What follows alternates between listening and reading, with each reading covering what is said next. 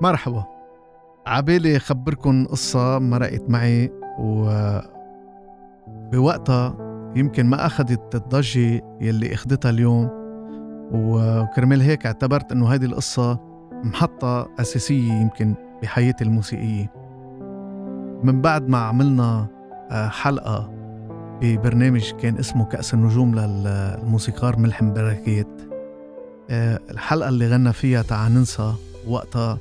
عملت ضجة كبيرة وكان برنامج مباشر على الهواء وكان يخلص البرنامج الساعة 12 بالليل. وفتحوا الهواء وقتها بالتلفزيون للساعة تنتين. ومساقبة كان بنفس الليلة كان عنا حفلة مع الموسيقار ملحم بركات بأحد المرابع الليلية. فما لحقنا نخلص الحلقة ونحمل حالنا ونركض لنروح على الحفلة. واصلين يعني بعجقة وبضغط كل نهار بالتلفزيون. طبعا بيبقى الأدرينالين عالي وبيبقى التركيز آه، شوي بلش يخف بالليل. مهم بس كان في بسط يعني كنا مبسوطين من نتيجة آه، من النتيجة يلي عملتها الحلقة تبع ملحم بركات ومن نتيجة وكنا مبسوطين من نتيجة الأغنية لا آه، أغنية تعال ننسى لأنه ملحم بركات كان بوقتها له فترة مش منزل أغنية جديدة. فالناس كانت متشوقة حقيقة ويعني كانت ليلة آه، آه، كانت نتيجتها كتير إيجابية لإلنا كلنا.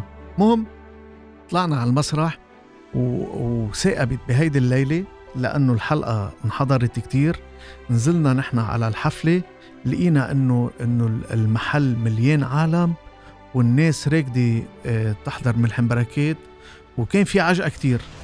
طلعنا على على المسرح وبلشنا بالحفلة يعني بلش الموسيقار ملحم بركات عم بغني وهذا الجو.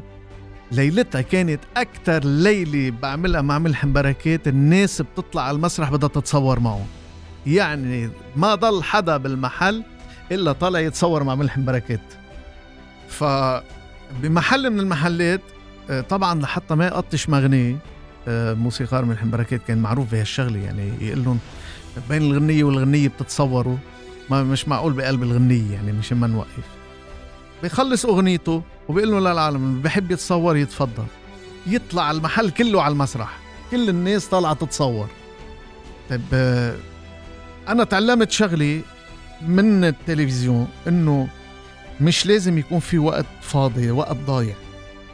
بهذا الوقت الضايع يلي ملحم بركات عم بيتصور فيه مع الناس معجبين. طيب شو بدي أعمل؟ بدي أعبي المسرح موسيقى ما فيي أترك. المسرح فاضي ومش حلوة. بلشت بارتجال جملة موسيقية. وهيدي الجملة آه، طلعت بشكل ارتجالي.